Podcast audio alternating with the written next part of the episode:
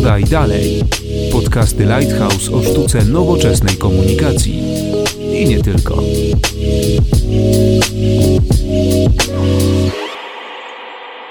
Zapraszamy na siódmy odcinek podcastu Lighthouse Podaj Dalej. Konrad Domański, dzień dobry.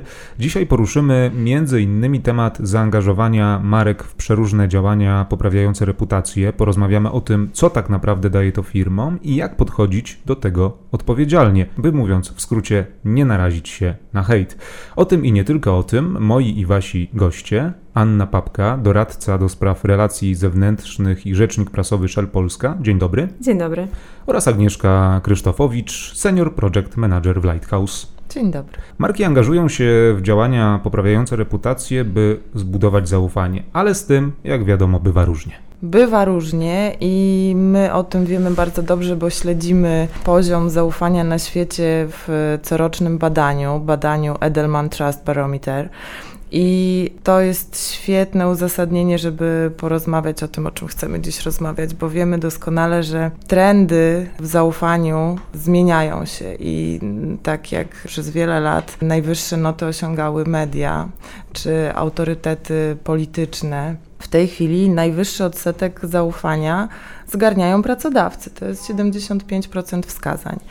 Trochę niżej plasują się organizacje pozarządowe i biznesowe, obie zgarniają powyżej 50%. A najmniej wiarygodnie wypadają w tej konkurencji media 47% i rządy 48%. W związku z czym widzimy, że ta tendencja, komu ufają społeczeństwa, jest odwrócona w tej chwili i, i, i szala przychyla się na rzecz właśnie biznesu, czyli ta rola biznesu w tworzeniu pewnych trendów i wspieraniu pewnych trendów społecznych jest w tym momencie gigantyczna. I żeby to przenieść już w kierunku, o którym rozmawiamy, czyli budowania reputacji i w jaki sposób firmy mogą korzystać z trendów, jakie obserwujemy. Wiemy, że zarówno y, w obszarze funkcjonowania firmy, kultury organizacyjnej biznesu, jak i w działaniach zewnętrznych firmy, niezwykle ważne jest to, jak firma buduje swoje relacje z ludźmi. To dwie trzecie badanych wskazało, że bardzo istotne jest to, by pracodawca promował kwestie społeczne. Ponad 70% respondentów wskazało, że pracodawcy powinni wręcz przejąć inicjatywę wobec rządów czy poprzednich liderów opinii i tu jest ogromne pole do popisu właśnie dla świadomego biznesu, który będzie odpowiednio kreował swoje działania. Tutaj od razu nasuwa mi się kolejne pytanie dotyczące tego, dlaczego marki angażują się w te ważne sprawy. Ja zgodzę się z Agnieszką, że zaufanie staje się coraz, coraz bardziej istotne i mówi się, że zaufanie jest walutą przyszłości. Wynika to z tego, że żyjemy w coraz bardziej transparentnym świecie. Z jednej strony oczywiście są fake newsy, pojawiają się informacje niesprawdzone, z drugiej strony nigdy jeszcze my wszyscy nie mieliśmy takiego dostępu do przeróżnych informacji, bo wszystko da się sprawdzić, wyłapać niespójności, kłamstewka i w czasach dzisiejszych konsumenci, czy też inne grupy tak zwanych interesariuszy, czyli partnerów, organizacji, z którymi współpracujemy, mogą wybaczyć potknięcia czy pomyłki, o ile zostaną odpowiednio zaadresowane, natomiast na pewno nie wybaczą ściemy i to będzie naprawdę cios, e, jeżeli chodzi o, o reputację. A wracając do swojego pytania, widzę tutaj dwa, dwa główne powody, dlaczego, dlaczego firmy angażują się w działania, które nie, nie są na pierwszy rzut oka związane z prowadzonym biznesem. Z jednej strony względy stricte biznesowe. Konsumenci coraz bardziej są wyczuleni na promocję, na, na reklamę, są, są coraz bardziej wyedukowani i odporni. I dlatego marka, która potrafi opowiedzieć historię, być autentyczna, potrafi się po prostu wyróżnić, potrafi powiedzieć, że ona robi coś więcej, może zyskać większe zaufanie, od którego zaczynaliśmy wśród, wśród konsumentów. Z drugiej strony taka rosnąca świadomość i presja społeczeństwa, bo społeczeństwa oczekuje w obliczu tych wszystkich wyzwań, które się pojawiają, czy to wyzwania klimatyczne, o których coraz głośniej się mówi, relacje społeczne, przyszłość pracy itd., tak oczekują coraz większego zaangażowania się firm lokalnie. Coraz częściej szuka się takiego what's in it for me, co ja będę z tego miał tak naprawdę, dlaczego mam kupić produkt tej firmy, a nie innej, co ona robi dla społeczeństwa, co robi dla mnie, dla mojej rodziny, dla mojego kraju. Nie wystarczy już tylko być dobrą marką. Myślę, że tak. Myślę, że coraz, coraz częściej mówimy o tym, że, że firmy muszą robić coś nie tylko dla siebie, ale i dla, dla społeczeństwa, w którym działają. Ostatnio czytałam o badaniu, które mówi, że Jedna trzecia Polaków, czyli około 10 milionów, deklaruje, że przy zakupie produktów kieruje się też tym, czy firma jest etyczna, czy nie była zamieszana w tak zwane afery. Powiem Wam szczerze, że jestem trochę sceptyczna, na ile te deklaracje przekładają się na, na rzeczywiste decyzje zakupowe. Zawsze trzeba mieć dystans do, do tego, co, co się mówi w różnych badaniach, ale jednak jest to dla mnie już, już pewien trend. Nawet jeżeli nie każda z tych 10 milionów osób postąpi, tak jak deklaruje, to jednak widać coraz E, większe oczekiwania. W związku z tym jeżeli marki potrafią uzasadnić swoje istnienie nie tylko względami biznesowymi, a swoim wkładem do społeczeństwa, to zbudują większe zaufanie do, do siebie. Gdy mówimy o zaufaniu, gdy mówimy o angażowaniu się w ważne sprawy, też trzeba pamiętać o odpowiedzialności, między innymi o społecznej odpowiedzialności biznesu. W tym temacie pojawia się naprawdę sporo pojęć. Dzisiaj jeszcze więcej, bo kiedyś mówiło się głównie CSR i osoby, które były w to zaangażowane, już tak naprawdę wiedziały, co to oznacza. Te, które nie wiedziały, to myślę, że warto słów kilka o tej odpowiedzialności powiedzieć. Czym jest w ogóle ten CSR? Ja jestem dość sceptyczna, e, jeżeli chodzi o, o, tutaj nasze rodzime podwórko i o używaniu pojęcia CSR, ponieważ moim zdaniem jest e, zdecydowanie nadużywane i jest milion różnych interpretacji CSR-u. Bardzo często za CSR bierze się działania doraźne, czy działania jednorazowe, które nie, nie mają nic wspólnego ze strategią długofalową, są robione tylko po to, żeby, nie wiem, wrzucić posta na Facebooka i powiedzieć, że my jesteśmy odpowiedzialną firmą. I nawiązując do tego, co mówiłam wcześniej, ludzie coraz bardziej są wyedukowani w tym zakresie i to już się nie sprzedaje, dlatego mi osobiście jest bliższa, bliższe takie podejście sustainability, ono często się tłumaczy jako zrównoważony rozwój. Niekoniecznie musimy mówić o rozwoju, ale w ogóle o zrównoważonych działaniach, czyli gdzieś ta równowaga pomiędzy tym, co robimy dla siebie jako firma i, i czerpiemy zyski, musi się równoważyć z tym, że robimy to w sposób odpowiedzialny. I wydaje mi się, że lepsze niż angażowanie się w szeroko zakrojone projekty społeczne byłoby porządkowanie takich podstaw typu płacenie pracownikom, stworzenie przyjaznego miejsca pracy, dobre relacje z dostawcami, traktowanie ich fair. Wydaje mi się, że firma, która nie ma dużych budżetów na to, żeby wykonać wielkie projekty wizerunkowe, może mimo wszystko opowiadać wiarygodną historię, budując zaufanie w oparciu o te swoje takie codzienne działania. Taka integracja z, z codziennie prowadzoną działalnością jest według mnie bardziej wiarygodna i jest w większym stopniu, ma więcej wspólnego z tym tak zwanym CSR-em niż, niż tylko działania, które są zrobione doraźnie. To ja chciałabym tutaj szczególnie zwrócić uwagę na to, że zanim firma zacznie się angażować w działania zewnętrzne, już nawet nie wspominając o angażowaniu wielkich e, budżetów, warto skupić się na budowaniu zaufania wśród pracowników wewnętrznie.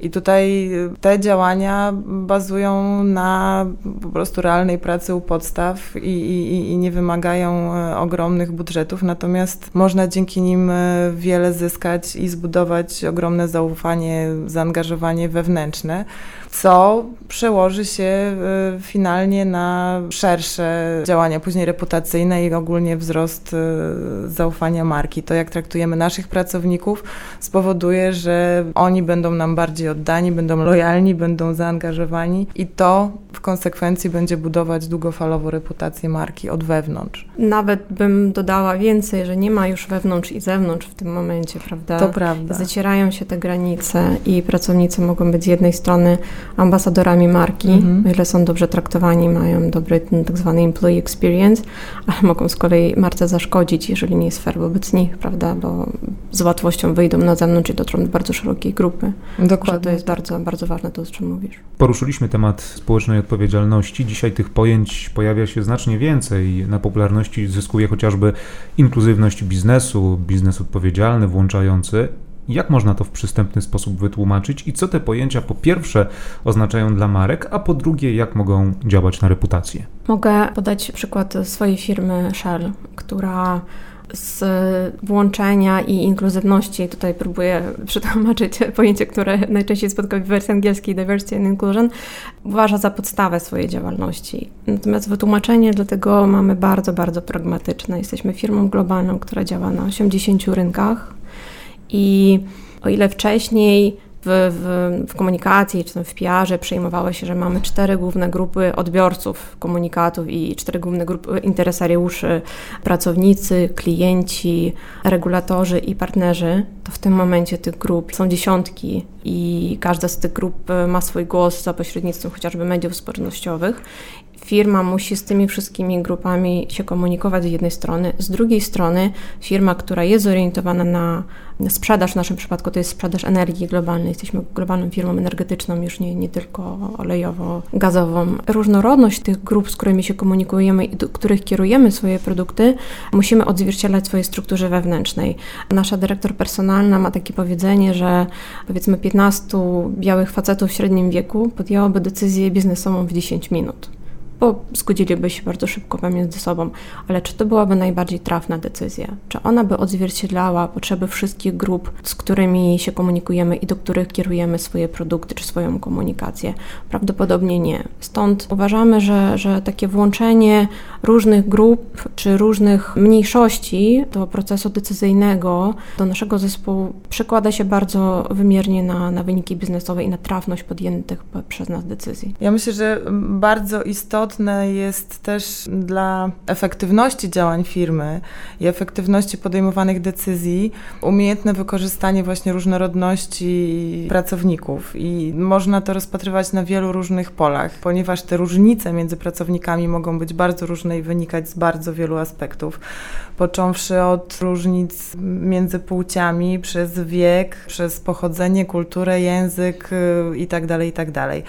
Natomiast bardzo cenne są takie zderzenia e, pomiędzy dojrzałymi pracownikami a bardzo młodymi. Ich e, skrajnie inne podejście do różnych zagadnień no, owocuje rozwiązaniami, które później są niezwykle kreatywne, twórcze i skuteczne finalnie. W związku z czym to jest też bardzo istotny wątek, jak bardzo ta różnorodność y, osób i, i środowisk, które pracują nad jakimś elementem funkcjonowania przedsiębiorstwa czy nad produktem, no, wpływa na y, finalnie efektywność, innowacyjność, no, skuteczność działań. Czy inkluzywność może być dochodowa? Czy tego typu działania, które przed momentem omówiliśmy, są przeliczane na pieniądze?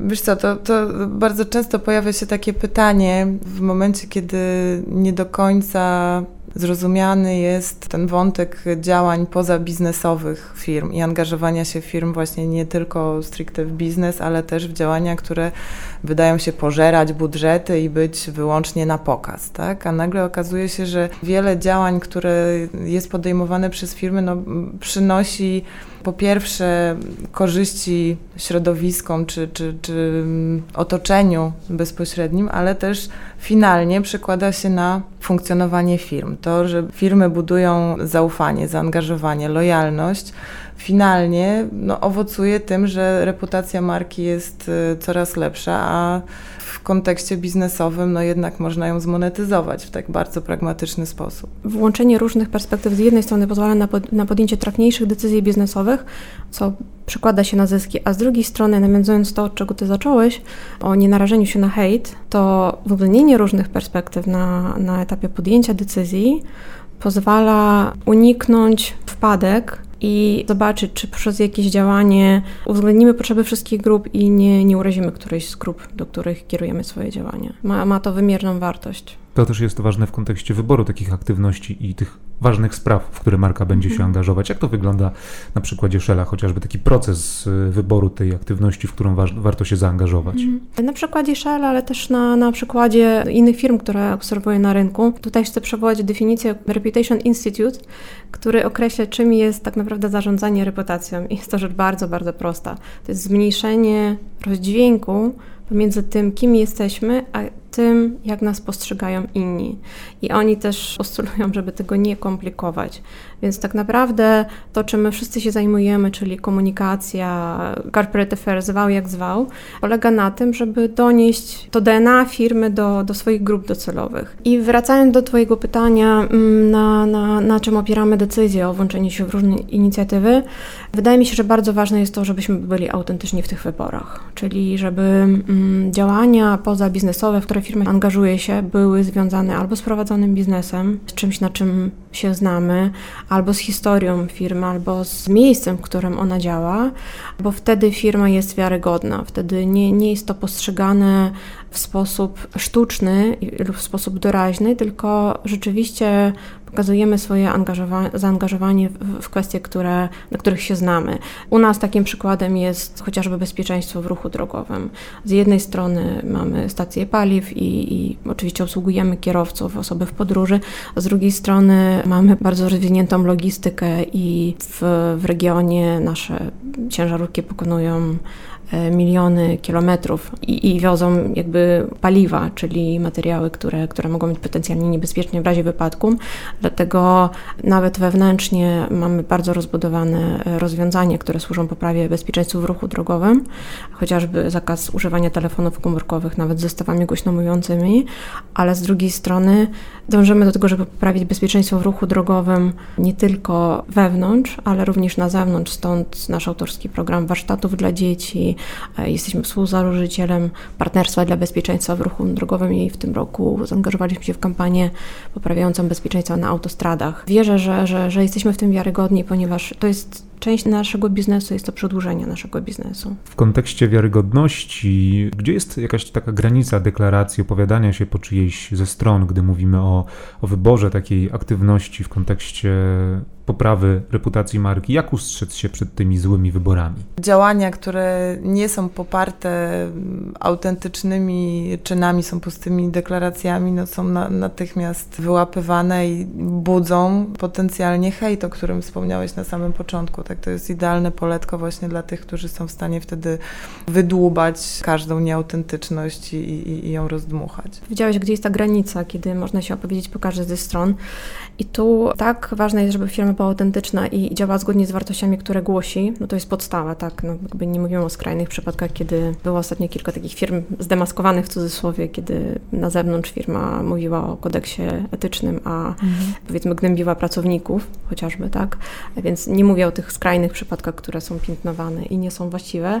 Przypadku globalnej firmy i różnych rynków, na których działa, gdzie są różne uwarunkowania kulturowe, religijne itd., tak wchodzi też ryzyko, ale też taki margines akceptacji tego ryzyka, kiedy możemy się zgodzić, że ok, działanie, które może być chłodno przyjęte na danym rynku, jednak robimy, ponieważ jest to spójne z tym, co głosimy jako firma globalnie. I okej, okay, nawet jeżeli stracimy gdzieś, zrazimy do siebie jakąś grupę na jednym rynku, to wzmocnimy swoją reputację w innej grupie, a jednocześnie będziemy zgodni z, z wartościami, które głosimy. I dlatego podejmując decyzję o tym, czy, czy robimy coś w danym, w danym obszarze, czy nie, PR-owcy, zarządy muszą zrobić taki bardzo rzetelny rachunek zysków i strat, tak? I zobaczyć, czy, czy to działanie, czy angażowanie się w daną kwestię, jak ono wygląda na wszystkich rynkach, w których działamy, tak? Co stracimy, co zyskamy, to jest jedna rzecz.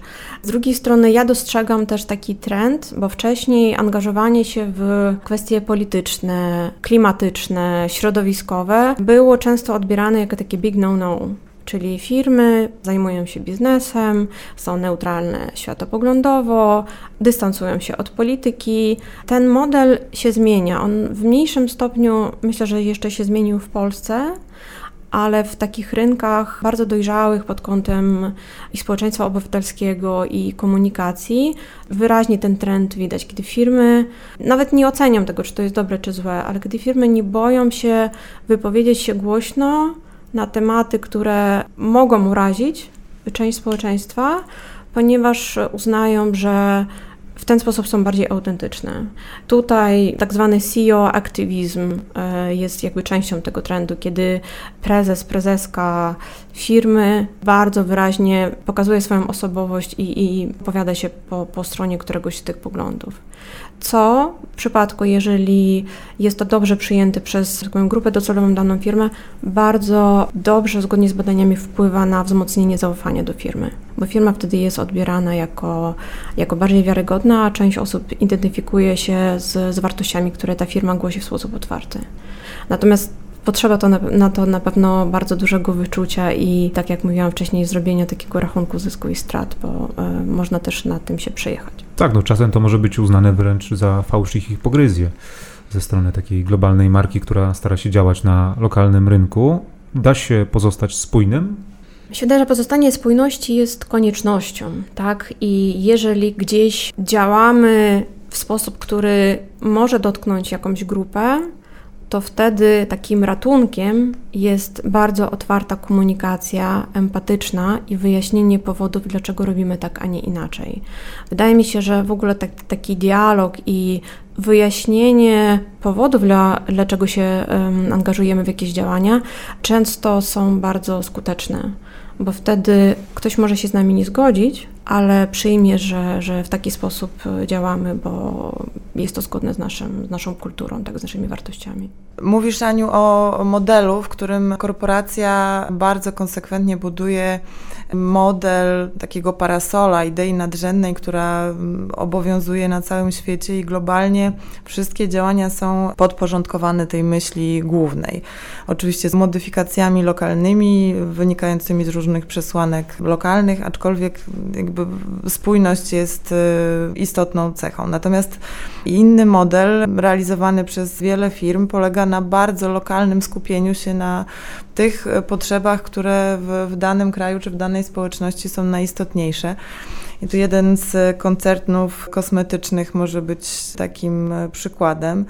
Myślę, że tu kluczem bardziej są rodzaje środowisk niż ta myśl przewodnia, bo są przykłady działań sfokusowanych na e, różnicach płciowych, na niepełnosprawnościach, na różnicach e, czy, czy dyskryminacji wynikającej z pochodzenia czy z uwarunkowań ekonomicznych. I na każdym z rynków działania podejmowane przez ten koncern są zupełnie inne. Od y, działań wspierających uchodźców po wspieranie e, młodych dziewczyn z środowisk nieuprzywilejowanych przez w tych odważniejszych programach wspieranie mniejszości seksualnych. Nie ma klucza.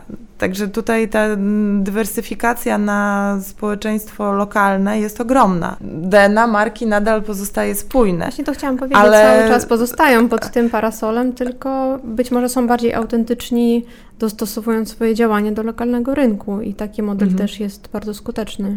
No tylko właśnie to, to wymaga bardzo precyzyjnego celowania na każdym rynku mhm. w, w inny problem, w inne zagadnienie.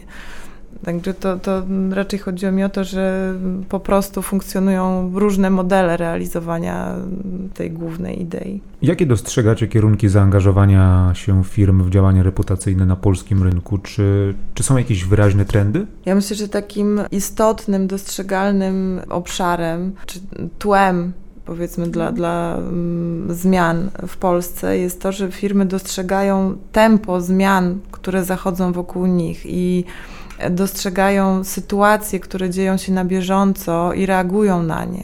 Jeszcze do niedawna tego nie było. Firmy trwały na swoich stanowiskach, w swojej polityce komunikacyjnej jakoś osadzone. Natomiast w tej chwili ta reaktywność na sytuacje społeczne, na zjawiska, na wydarzenia, jest y, dużo większa. Myślę, że to jest coś, co, co jest czymś nowym i to na pewno będzie się rozwijać, no bo reaktywność w komunikacji no, z dnia na dzień się zwiększa i to tempo rośnie. Natomiast myślę, że też jest ta potrzeba angażowania się w sprawy ludzkie, małe sprawy. To często nie są wielkie programy o ogromnej skali, ale mm, angażowanie się w sprawy, w tematy, które są blisko człowieka w jakimś bardzo wąskim zakresie. Firmy na przykład dostrzegają potrzeby konkretnych grup społecznych, na przykład milenialsów, tak? I w kontekście zatrudniania ludzi z określonego pokolenia zmieniają wiele w funkcjonowaniu wewnętrznym żeby sprostać potrzebom i oczekiwaniom tych konkretnych grup. Jest to takie reaktywne właśnie działanie, które wchodzi w mhm. trend wspierania tej inkluzywności, różnorodności. No myślę, się, że, że to się będzie rozwijać coraz bardziej, właśnie takie odejście od jednego schematu dla wszystkich, mhm. ale właśnie znajdowanie dróżek, ścieżek i konkretnych bardzo rozwiązań skupionych na małych grupach. To idąc Twoim tropem, e, widzę dwa takie zjawiska, które są dla mnie zjawiskami bardzo pozytywnymi, jeżeli chodzi o budowanie reputacji. Jedno to jest angażowanie pracowników, współtworzenie we wszystkie działania społeczne i współtworzenie tej strategii działań społecznych.